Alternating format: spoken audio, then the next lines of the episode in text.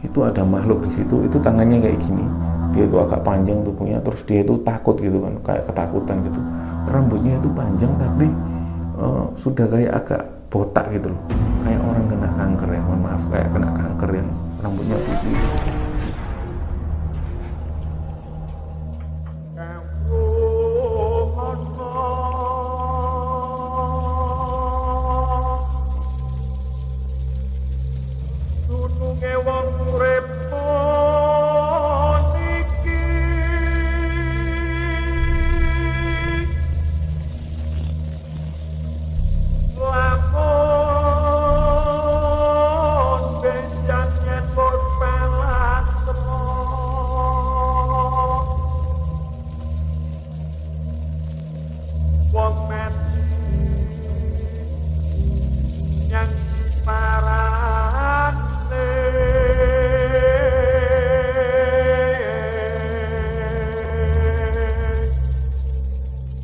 Assalamualaikum warahmatullahi wabarakatuh. Sobat Kembara Sunyi di mana pun kalian berada Jumpa lagi dengan kami Kembara Sunyi. Kali ini saya akan menceritakan pengalaman saya pribadi ketika camping bersama istri saya di sebuah bumi perkemahan di daerah Trawas, Mojokerto. Bagaimana kisahnya? Sebelum kita masuk ke cerita untuk teman-teman yang belum subscribe channel ini yuk kita subscribe Jangan lupa like, komen, dan share untuk mendukung channel ini semakin berkembang.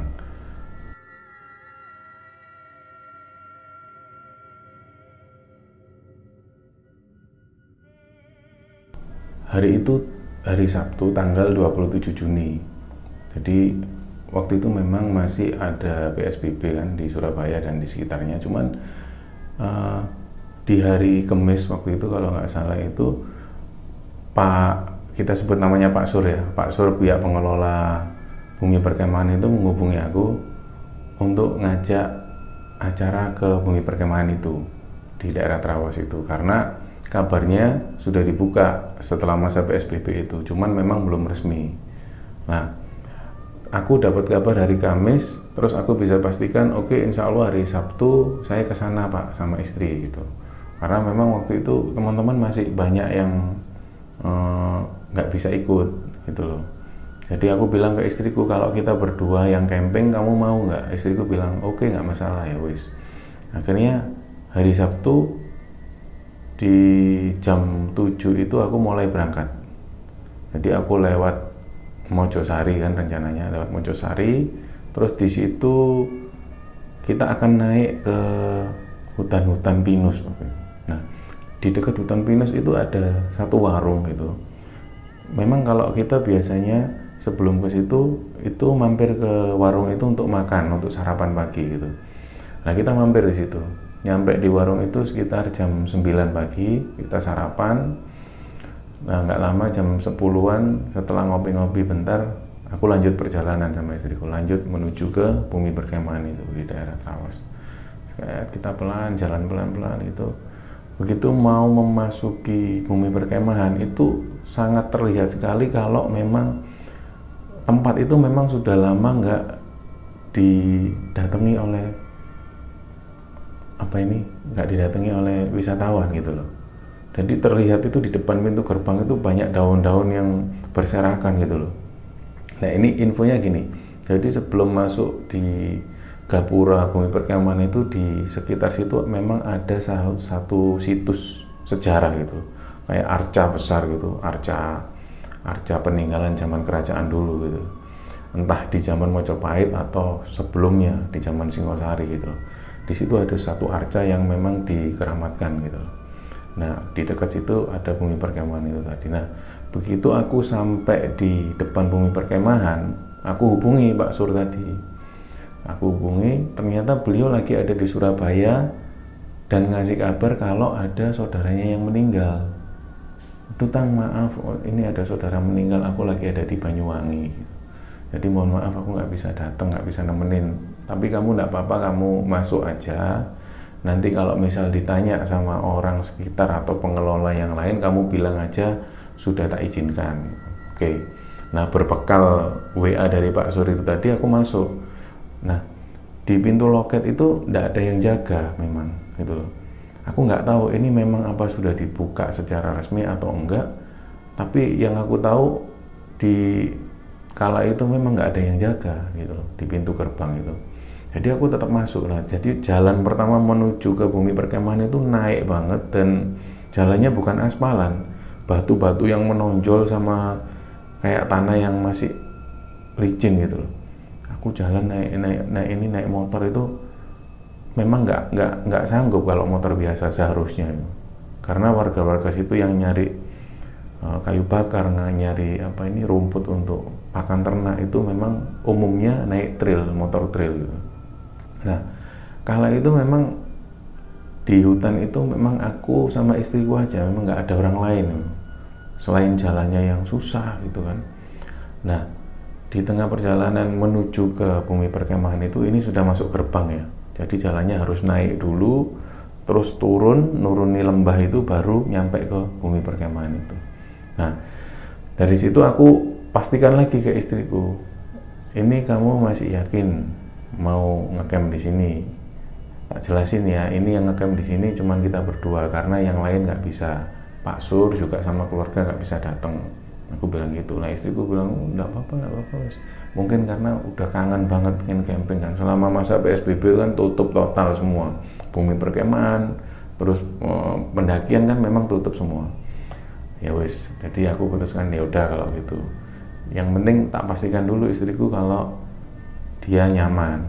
Kalau nggak nyaman kan susah. Di tengah malam nanti minta pulang kan repot. Tapi dia sudah pastikan kalau dia mau oke. okay. Aku nyampe di situ motor tak parkir. Terus aku jalan menuju ke apa ini kayak pelataran gitu yang buat camping biasanya di situ. Nah di situ ada tak lihat itu ada pohon durian ada pohon nangka. Memang di situ masih banyak pohon durian pohon nangka yang memang sengaja ditanam warga situ. Memang sengaja ditanam warga situ. Nah sepanjang perjalanan menuju ke camp itu tadi banyak ditumbuhi pohon-pohon pakis yang ukuran tinggi-tinggi gitu. Jadi pakis itu kan memang bisa kita manfaatkan untuk sayur ya yang pucuk-pucuknya terutama. Itu memang enak sekali kalau dibuat tumis gitu. Banyak sekali di situ. Memang warga-warga sekitar sering banget nyari pakis di situ. Biasanya dibawa pulang atau dijual gitu. Nah aku udah rencana nih wah pakisnya udah mulai banyak cocok ini buat tumis gitu kan. Nah aku nyampe di situ sekitar jam 11 siang aku pilih lokasi di bawah persis pohon durian yang besar itu. Ada pohon durian tapi memang nggak berbuah gitu. Aku naruh tenda di situ tak pasang tenda di situ santai-santai bikin kopi terus uh, kita mulai apa ini ngobrol-ngobrol lah sama istriku berdua gitu. Jadi selama aku ngobrol sama istriku di tengah hutan yang sepi itu, itu suara burung itu kicaunya itu banyak banget gitu loh. Terus aku itu sampai merasa gini loh, memang ternyata banyak sekali ya fungsinya ternyata. Maksudnya manfaat dari PSBB itu loh. Setelah diberlakukan PSBB itu gunung-gunung ditutup, ini gunung semakin asri gitu loh. Jadi burung-burung yang biasanya itu cuma berkicau ya katakan cuma 50% tapi ini bisa 130% yang berkicau gitu loh. Jadi habitatnya kayak semakin rame gitu. Dan aku sempat juga denger itu ayam hutan di situ, suara ayam hutan. Itu rasanya aku senang banget. Aku sampai bilang ke istriku aku senang banget bisa denger suara ayam hutan gitu loh. Karena jarang banget kan. Nah, nggak lama itu aku lihat elang itu kan lewat. Oh elang, us jadi aku sempat kayak antara apa ya seneng karena ada PSBB itu seneng tapi juga nggak seneng karena nggak bisa naik gunung gitu loh nah di situ memang pohon-pohon itu tinggi-tinggi semua lebat gitu hutannya nah terus istriku minta uh, kalau nanti siang sekitar jam 2an ke air terjun yuk bilang gitu nah di situ memang ada air terjun ada air terjun itu uh, karena memang air terjun ini belum terbuka untuk umum, jadi jalan menuju ke air terjun itu memang agak sedikit curam dan masuk hutan yang tinggi-tinggi lebat gitu. Jadi pohonnya besar-besar. Nah, aku ke sini itu ke lokasi ini bukan kali itu, bukan kali pertama, tapi sebelum-sebelumnya sering banget ke situ bikin kegiatan sama teman-teman. cuman kali itu aku sama istriku aja karena masa PSBB itu kan. Lah jam 2 siang aku mutusin untuk turun ke air terjun. Jadi air terjun itu kalau dari bumi perkemahan itu sekitar 2 kilo lah caranya. Harus turun tangga-tangga yang dibuat dari tanah yang dipapras-papras sama warga sekitar itu. Jadi jam 2 aku turun ya, berhenti foto-foto gitu. Jadi pohon-pohon itu memang besar-besar di situ. Besar-besar dan jalannya relatif licin karena banyak daun-daun kering yang jatuh gitu itu kan bahaya kalau di jalan. Begitu aku turun terus nuruni gitu aku sambil nyatet-nyatet sedikit untuk tak laporkan ke Pak Sur gitu loh. Bahwa jalannya masih curam masih bahaya untuk dilalui orang. Karena kan rencananya Pak Sur ini beserta teman-teman pengelola itu uh, membuka ini untuk umum gitu loh. Apakah sudah aman atau belum gitu. Lah aku sambil nyatet gitu. Kalau tak pikir secara ini secara yang tak jalani dari atas turun itu memang jalannya ini curam gitu loh. Dan aku rasa memang untuk umum untuk orang umum agak susah turun ke situ apalagi kalau bawa anak-anak gitu. itu aku catat untuk tak laporkan Pak ke Pak Sur itu. Nah begitu aku nyampe bahwa jalan sekitar hampir setengah jam itu aku nyampe di kayak apa ini ada retakan tanah gitu yang kalau mau melangkah ke sana itu aku harus loncat atau melangkah yang agak lebar gitu. Nah itu juga tak catat tak foto tak catat. Karena apa? Kalau ini dibuka untuk umum nggak mungkin bisa dilewati. Harus dibikin pagar atau apa penghalang seperti apa karena kanan ini sudah jurang. Nah kanan ini udah dengar air terjunnya sudah dengar tapi benar-benar itu jurang. Jurang yang menuju ke sungai gitu. Aku catat tapi aku masih bisa ngelanjutin dengan cara melangkah yang agak lebar gitu. Terus istriku tak tarik dia jalan. Oke. Jalan lagi terus area-area yang menurutku agak berbahaya itu juga tak foto, tak catat untuk tak laporkan nanti. Sampailah aku di uh, kayak jalanan sempit, terus ada pohon yang tumbang besar gitu, pohon tumbang besar yang tidak uh, bisa dilewati, karena satu-satunya jalan di sini lah. Memang ada dua jalur dari situ untuk menuju ke air terjun ada dua jalur dari jalur yang sebelah sini dan sebelah yang sebelah sana. Aku pilih jalur sebelah sini Nah, pohon tumbang itu ada di tengah-tengah sini. Jadi satu-satunya jalan itu memang ya harus melangkahi pohon itu atau kembali ke atas terus muter ke jalur ini gitu loh. Pilihannya cuma itulah. Nggak mungkin kan aku harus kembali lagi jarak satu kilo lebih harus naik lagi itu. Jadi aku cari jalan. Aku ngomong ke istriku, kamu tunggu sini dulu. Aku mau lihat jalur apa bisa dilewati atau enggak gitu.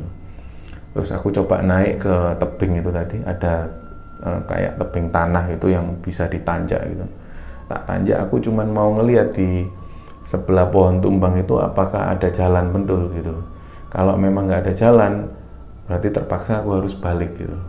Lah pada saat aku naik untuk ngelihat pohon itu tiba-tiba istriku ini jatuh bruk gitu. Lah aku otomatis kaget banget gitu. Karena pinggir itu sudah jurang gitu begitu ada dengar suara brok jatuh. Aku lihat istriku dia itu jerit. Istriku itu jerit sambil ah, sambil nangis hampir nangis itu. Loh aku kan langsung turun ambil kenapa kamu dek dia bilang kalau dia itu habis disenggol sesuatu gitu loh. Dia itu habis kayak gitu jadi ketika aku naik ngelihat pohon tumbang itu ngelihat jalur itu itu istriku kayak didorong dari belakang gitu. tapi dorongnya bukan gini kayak disenggol sama tangan gitu loh dia jatuh terus lo emangnya kamu disenggol apa? Aku bilang gitu. Dia itu bilang kayak awalnya dia mengira ada kayak semacam binatang atau apa gitu. Itu dorong dia kayak gini loh seret gitu. Lah aku bisa percaya kalau istriku didorong karena tasnya dia itu jatuh hampir masuk jurang. Jadi tasnya itu nyangkut di kayak uh, pepohonan-pepohonan gitu. Nah entah kenapa aku tiba-tiba itu melihat ke arah belakang istriku itu ada kayak makhluk gitu kan. Tapi ini bukan lihat secara real nyata ya bukan. Tapi kayak ada kontak batin yang menyatakan kalau itu ada makhluk di situ. Itu tangannya kayak gini. Dia itu agak panjang tubuhnya terus dia itu takut gitu kan kayak ketakutan gitu. Rambutnya itu panjang tapi uh, sudah kayak agak botak gitu loh.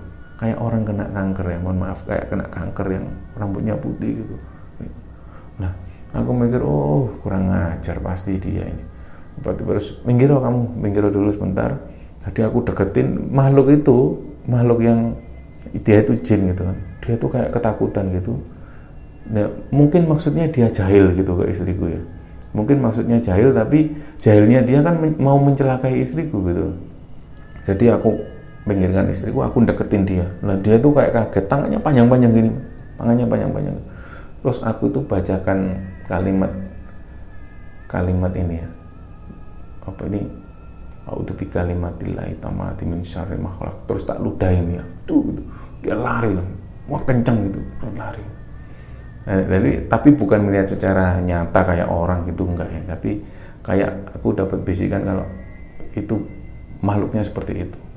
Dan ketika dia lari terus tiba-tiba kayak ada apa ini aku bisa tahu kalau dia ini jin yang umurnya sudah tua tapi dia masih nggak mau nikah gitu loh. Memang ada bangsa jin ini yang dia ini nggak mau nikah. Lah kayak kayak orang apa ini kayak kalau di manusia itu dia ini kayak stres orang stres gitu loh. Nah ini jin yang stres yang dia nggak mau nikah gitu. Jadi posisinya gini tinggi terus agak bungkuk tangannya panjang gitu. Terus sebenarnya dia takut gitu loh dia nggak mau nyakiti jadi kayak dia tuh nggak sengaja nyenggol. Dia mau ngomong kalau sorry aku nggak sengaja nyenggol gitu loh maksudnya gitu. Tapi aku terlanjur marah. Jadi dia tak ludahin gitu. Terus dia lari wut gitu hilang. Nah dari situ tasnya istriku tak ambil. Udah wis kita nggak usah air terjun ya wis jalannya kayak gini curam. Nanti tak laporkan ke Pak Sur kondisinya seperti ini belum pantas untuk dibuka untuk umum gitu terjunnya daripada nanti makan korban itu. Karena memang curam jaraknya itu dari atas turun ke bawah itu susah. Dari awal itu sudah susah memang jalannya. Nggak ada pegangan terus uh, struktur jalannya itu relatif licin gitu. Aku putuskan kembali balik ke tenda. Itu sudah jam sekitar setengah empatan sore waktu itu. Aku balik ke tenda nah istri itu kok kayak apa ini? Kayak masih kepikiran yang tadi gitu loh. Terus tak suruh wudhu tak kamu wudhu supaya yang apa ini yang masih kepikiran-kepikiran itu hilang lah dari kamu. Ya wudhu kemudian kita balik ke tenda terus kita masak kita masak bikin makanan itu. Terus aku ambil ini tadi pakis ini tadi kan. Pakis yang masih muda itu tak masak tak tumis gitu kita makan bareng. Menjelang sore mau maghrib itu aku mulai siapkan lighting-lighting di tenda. Di lightingku memang memang tidak ada penerangan di situ ya. Memang ada penerangan. Jadi uh, aku sengaja untuk naruh lighting menyorot ke depan supaya kalau ada hewan atau apa yang datang aku tahu gitu loh selain dari suaranya aku bisa tahu ada gerakan apa itu aku bisa tahu. Jadi ada satu lampu yang nyorot ke depan. Nah setelah maghrib itu aku mulai bikin kopi kan. Setelah kita sholat maghrib terus aku bikin kopi. Terus aktivitasnya yaitu karena memang gini karena memang istriku kalau di rumah itu memang tidurnya memang sore-sore. Kadang jam 9 sudah tidur jam 8 udah tidur.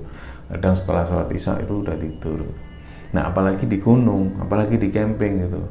E, cuaca yang dingin itu dia itu buru-buru tidur terus. Jadi selepas isya itu itu istriku udah masuk sleeping bag udah mulai siap-siap tidur. Aku tak tidur ya wis tidur lah. Nah aku bikin kopi bikin kopi di depan tenda itu mau nikmatin suasana malam itu kan. Jadi lampu tak sorot di depan supaya kelihatan dikit lah di depan itu.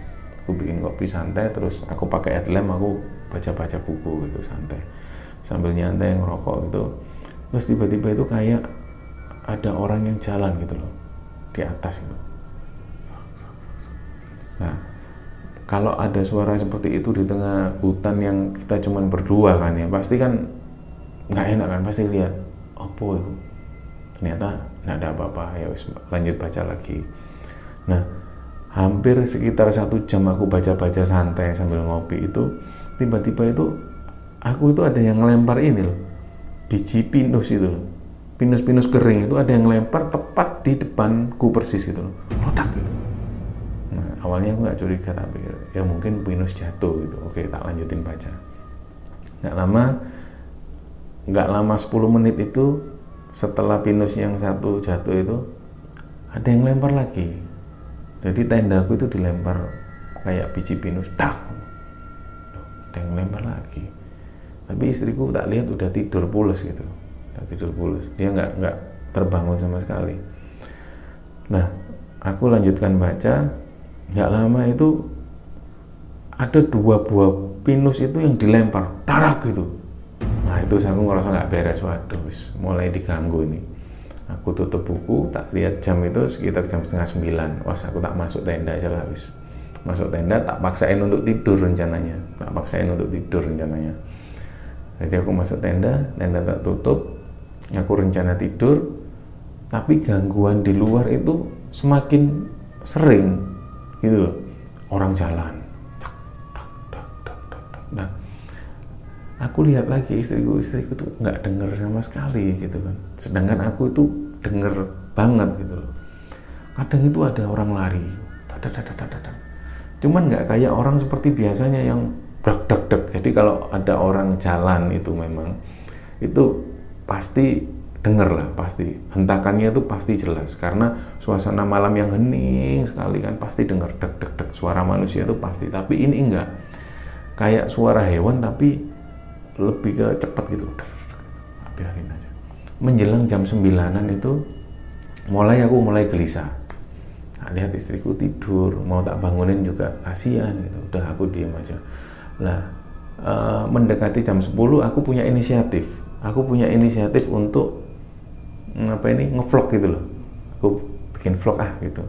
Paling enggak untuk dokumentasi untuk teman-teman yang di Surabaya gitu aku nggak ngerti kapan tak upload nggak ngerti wis pokoknya aku ngevlog dulu. Nah sebelumnya memang aku nggak pernah ngevlog. Nggak pernah ngevlog ngevlog itu nggak pernah. Coba tak aku ngevlog untuk mengabarkan situasi uh, setelah masa PSBB gitu. Aku mulai ngevlog.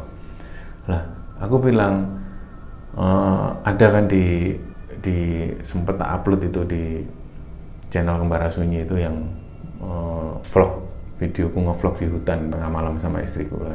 Aku ceritanya ngevlog ini terus aku uh, menyampaikan kondisi gunung yang sudah dibuka lah aku bilang kalau bumi perkemahan ini sebelumnya se uh, sebenarnya belum dibuka secara resmi tapi masih oh tidak untuk umum gitu aku cerita. Nah di tengah-tengah aku cerita itu ada yang lempar. Nggak bukan lagi buah pinus karena keras banget itu dak gitu. Dan aku benar-benar kaget waktu itu kaget. Aku sampai astagfirullahaladzim. Itu ada videonya ada di channel Sembara Sunyi ada kan. Di video aku ngevlog bener-bener kaget. Nggak tahu kenapa kok pas aku ngevlog pas rekam seperti itu ada serangan itu. Aku tuh aku kaget bener-bener. Astagfirullahaladzim aku kaget tapi ini masih nyala. Vlogku masih nyala. Terus setelah ada lemparan itu ada kayak cakaran di tanah gitu. Kerak Wah, aku curiganya ini hewan. Aku curiganya macan kumbang atau apa gitu loh. Terus aku diemin dulu. Aku diemin dulu. Tak tak ikuti pergerakannya ini apa? Ini hewan atau atau bangsa-bangsa lembut gitu tak diemin gitu. Nah setelah itu dari sana itu denger lagi kerak gitu agak jauh. Jadi kayak cakar kerak. Biarin sekitar tak kasih waktu 20 menit setelah kejadian itu baru aku beranikan untuk keluar. Aku beranikan untuk keluar aku ngevlog lagi oke teman-teman. Ini aku ngevlog lagi ya. Jadi aku keluar dari tenda sambil membawa kamera itu. Nah karena memang dari awal aku nggak niat ngevlog jadi peralatanku ya cuma HP-nya istriku itu HP sama center yang baterainya sudah mau habis itu aku mulai keluar itu. Mulai keluar nyari oh sumber suaranya dari mana gitu loh. Karena ada perasaan aku juga mangkel gitu loh. Aku juga mangkel aku nggak mau kalah sama ketakutanku gitu aku keluar aku cari sumber suara itu. Jadi di jadi posisi di belakang tendaku itu itu posisinya hutan hutan pinus. Ada juga pohon kopi ada pohon jati gitu. Terus semak-semak belukar pohon-pohon pakis tinggi-tinggi itu. Aku masuk ke situ. Jadi memang tak lihat di kamera HP itu nggak seberapa terang gitu loh. Tapi ya wis lah nggak apa-apa yang mungkin dapat suaranya atau apa gitu. Aku coba masuk ke belakang tenda itu. Aku masuk ke hutan itu. Tak lihat sambil aku salam assalamualaikum gitu. Assalamualaikum. Nah tiba-tiba di sebelah kiri ini jelas banget suara itu. Gitu. jelas banget. Suara cewek yang ah, nggak tahu mungkin di HP itu nggak seberapa jelas seperti yang saat aku denger itu ya. Jadi suaranya jelas banget. Ah, kayak marah gitu. Astagfirullahaladzim aku tiba-tiba gitu. Jadi bener-bener kayak dari sebelah kiri gitu loh. Wes aku lanjutin. Awalnya kaget aku tapi aku lanjutin wes lah kamu muncul suara oke. Okay. aku jalan lanjutin assalamualaikum. Nah aku curiga ada pohon satu pohon besar itu. Bukan pohon pinus tapi kayak pohon pohon jambu atau apa gitu. Pohon itu besar gitu. Itu itu mencurigakan banget karena aku lihat di situ ada kayak cahaya merah dua gitu loh. Kayak mata gitu loh. Itu ngawasin aku gitu. Itu yang aku aku kira sumber suaranya dari situ. Aku mengira yang lempar aku dari situ gitu loh Nah, aku coba deketin pelan-pelan. Nah, saat aku deketin pohon itu, tiba-tiba itu bau bangkai yang benar-benar menusuk gitu loh. Aku tuh sampai pingin muntah gitu. Aku kalau ngomong lo ini ingat-ingat lagi itu pingin muntah lagi. Jadi baunya tuh busuk banget. Aku sampai wah, wah sampai nggak bisa nafas aku waktu itu. Apa ya baunya itu kayak bau bangkai tikus yang udah berhari-hari gitu loh tapi nggak tahu bangkai apa gitu. Aku cari gitu. Uh aku mual-mual sampai muntah aku pengen muntah. Uh, uh. sambil tak cari itu ini bau apa gitu. ternyata nggak bau apa-apa. Maksudnya nggak ada apa-apa di situ. Nggak ada bangkai hewan nggak ada. Tapi baunya tuh uh, sampai tahu kan kalau kita uh, apa ini ada bangkai tikus atau apa kan nyet gitu loh. Langsung muntah gitu lah saat aku kayak gini nih suara yang tadi mengerang itu tadi itu muncul lagi. Nah mungkin suara di HP sama suara yang tak dengarkan ini beda ya tapi suara yang tak dengarkan ini keras banget. Gitu. wah aku tambah semakin penasaran kan. Hmm, iya wes ayo. Ini dalam batinku ngomong gitu. Iya wes bersuara gitu. Tapi aku sambil terus salam. Assalamualaikum assalamualaikum. Terus aku sambil lihat-lihat di arah depan itu. Nah saat aku nyenter ke depan tiba-tiba itu samar-samar itu denger suara orang nyinden gitu loh. Hmm, kayak kayak ada orang nanggap wayangan gitu loh. Memang memang sih itu dekat sama perkampungan. Tapi ya deketnya ya nggak terlalu deket. Tapi kayaknya nggak mungkin banget karena kalau arah perkampungan itu di bawah. Nah ini suaranya dari atas gitu loh. Suara orang nyinden itu jadi duh dengan orang suara nyinden. Lah aku bilang juga ke vlog itu ya ke eh kayak dengar suara orang nyinden. Jadi aku diem aku diem. Nah, gitu. uh semakin jelas kan suaranya. Di tengah hutan yang lebat samar-samar gitu. Lah memang sekali lagi ya kalau di HP sama yang tak dengerin itu bener-bener beda. Yang tak dengerin itu bener-bener dari arah sana itu kayak samar-samar gitu.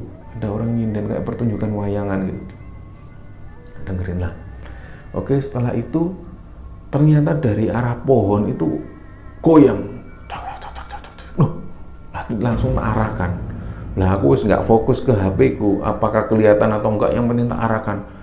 Lah begitu aku mengarahkan ke pohon itu itu kayak nggak tahu ini imajinasiku atau apa kayak orang hitam besar itu kayak mau nerekam aku.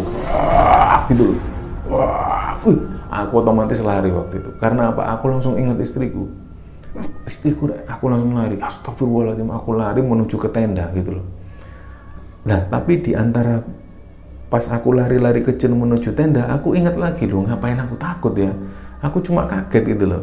Tapi aku ingat istriku kasihan dia di dalam tenda khawatirnya ada serangan-serangan apa gitu. Jadi begitu aku nyampe tenda udah tak matikan itu HP ku tak matikan. Udahlah lanjut besok aja lah gitu. Wes tak matiin. Nah dari sana itu pohon itu masih goyang-goyang. Tak intip di dalam tenda istriku masih tertidur pulas. Terus tak bangunin dia. Tak bangunin dia, dia tak bangunin terus dia bangun. Kenapa? Ini barusan aku tadi dilempar kan? Tenda ini dilempar. Keras banget gitu. Apa kamu nggak dengar sesuatu? Enggak. Jadi memang dia ini kalau tertidur itu istriku itu memang pulas banget gitu. dia nggak dengar apa-apa gitu enggak sambil ngantuk. Ya aku kasihan ya wes tidur lagi aja lah gitu.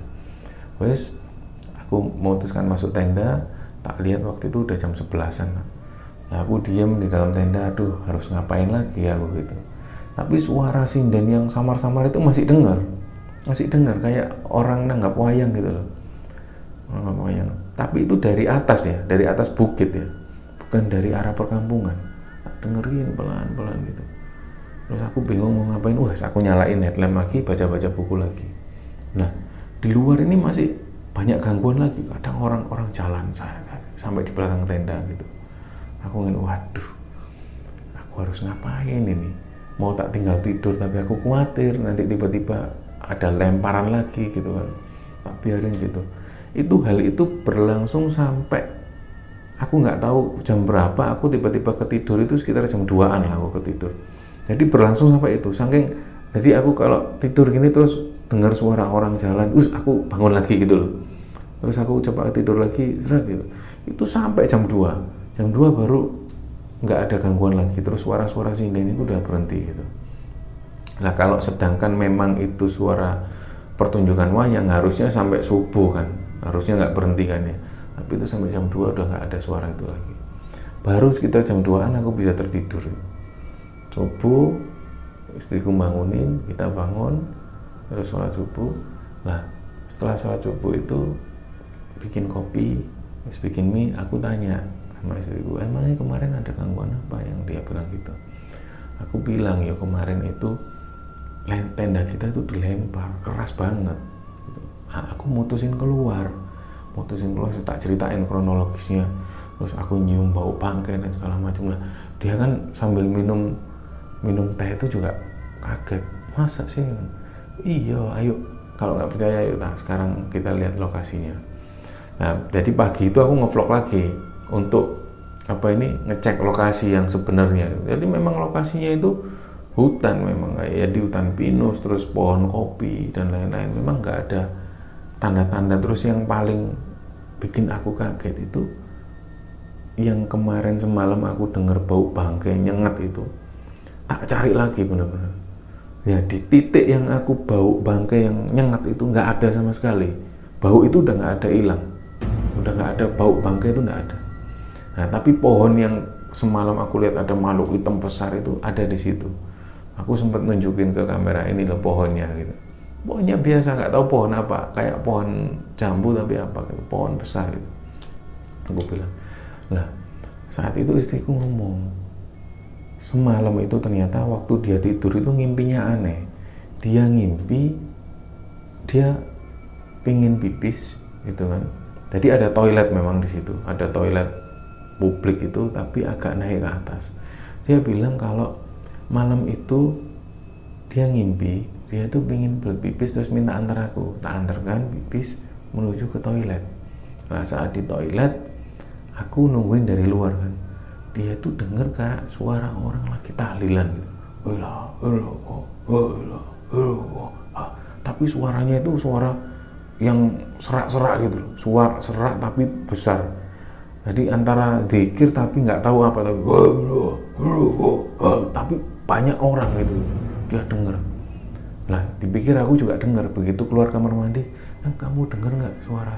Kayak tadi orang yang kayak oh kayak zikir tapi orang banyak gitu. Enggak nggak dengar nah dia mimpi seperti itu gitu. Cuman mimpi itu aja. Nah terus paginya uh, setelah kejadian itu terus aku cek lokasi dan lain-lain itu itu pagi itu ada suara ayam hutan dan lain-lain itu gangguan yang tak alami uh, hari itu setelah masa PSBB itu. Jadi benar-benar tiga bulan lebih lah. Hutan itu memang tidak dikunjungi manusia jadi ada enaknya memang juga ada nggak enaknya mungkin eh, binatang-binatang yang di sana mungkin merasa nyaman ketika tidak ada manusia, nggak ada aktivitas manusia. Ya mungkin juga bangsa-bangsa jin itu juga merasa nyaman juga mungkin ya ketika ada manusia dan ketika ada satu manusia, yaitu aku sama istriku, mereka ngerasa terganggu lagi gitu loh. Aku sih ngerasa seperti itu. Jadi uh, mungkin di gunung-gunung lain juga mungkin seperti itu ya, kita nggak tahu ya. Tapi yang jelas masa PSBB di mana uh, banyaknya hutan, banyaknya gunung yang ditutup untuk menjaga keaslian ini memang benar-benar eh, efektif sekali gitu. Jadi banyak-banyak habitat-habitat burung yang yang awalnya cuman sedikit berkicau mereka kembali ke situ kembali ke habitatnya aku juga dengar ayam hutan nah uh, aku jadi kangen masa setelah PSBB ini kapan ini gunung akan dibuka secara massal. Misalnya gunung di yang di Argopuro kan belum buka terus di Selamat juga belum buka. Masih banyak gunung yang belum buka. Nah aku membayangkan gimana gunung yang setelah tiga bulan tidak dikunjungi manusia itu kita pertama kali mengunjungi. Pasti sangat asri sekali gitu kan